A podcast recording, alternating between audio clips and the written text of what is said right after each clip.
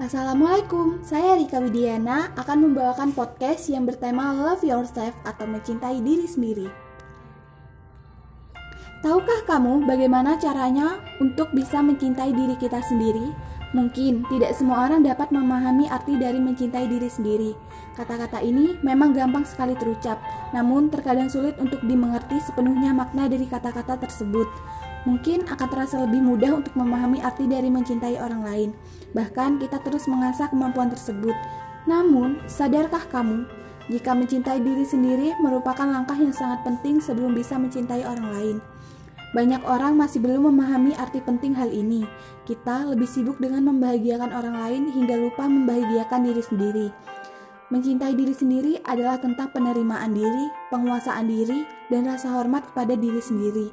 Hal inilah yang akan menjadi kekuatan dalam melangkah dan menjalani hidup yang bahagia. Mencintai diri sendiri tidak harus menjadikan kamu seorang narsistik, namun, pergunakanlah makna dari mencintai diri sendiri untuk membuat kamu mampu menghargai diri kamu sendiri.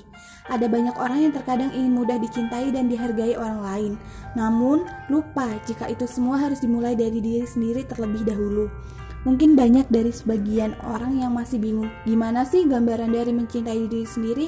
Nah, untuk gambarannya aku sudah merangkum 10. 1. Tak ada gunanya membandingkan diri dengan orang lain. Kita terlahir dengan keunikan dan cerita masing-masing. Membandingkan diri kita dengan orang lain hanyalah membuang-buang waktu, sehingga orang memiliki kelebihan dan kekurangannya masing-masing. So, berusahalah untuk menghilangkan pikiran negatif tentang diri kamu, dan mulailah untuk menerima diri kamu sendiri apa adanya, karena di sanalah letak awal kebahagiaan bermula. 2. Cintai dirimu sebelum mencintai orang lain. 3. Mencintai diri sendiri akan memfokuskan diri kamu pada kekuatan yang dimiliki. 4 Jadikan masa lalu lebih mencintai diri sendiri. Misal nih ya, di masa lalu seseorang telah meninggalkan kamu demi orang lain. Rasa kecewa, sedih, bahkan marah memang tidak bisa dipungkiri jika akan membuat kamu terlarut dalam kesedihan. Namun, ketika kamu mampu memahami arti dari mencintai diri sendiri, maka akan membuat sudut pandang kamu berbeda dengan sendirinya.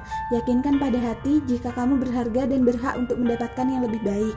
Jadi, tidak pantas ditangisi. Dialah yang tidak beruntung karena tidak mendapatkan kamu, bukan kamu yang tidak berharga.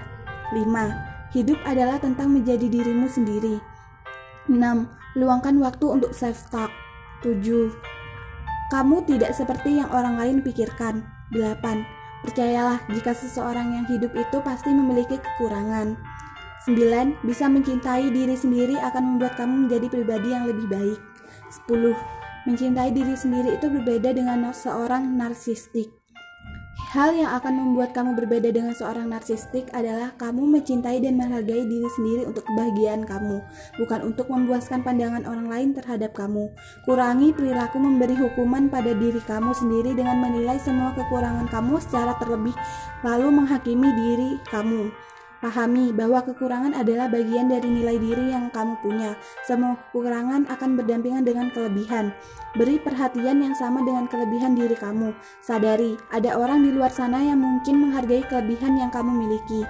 Jadi, kalian sudah bisa mencintai diri sendiri. Kalian pasti pasti tahu apa sih manfaat mencintai diri sendiri. Nah, buat yang belum tahu, di sini aku akan menjelaskan manfaatnya, yaitu salmu akan terpancarkan, hubungan akan lebih baik, kamu akan lebih sehat, rasa percaya dirimu akan meningkat, dan hubungan teman dan keluargamu akan membaik.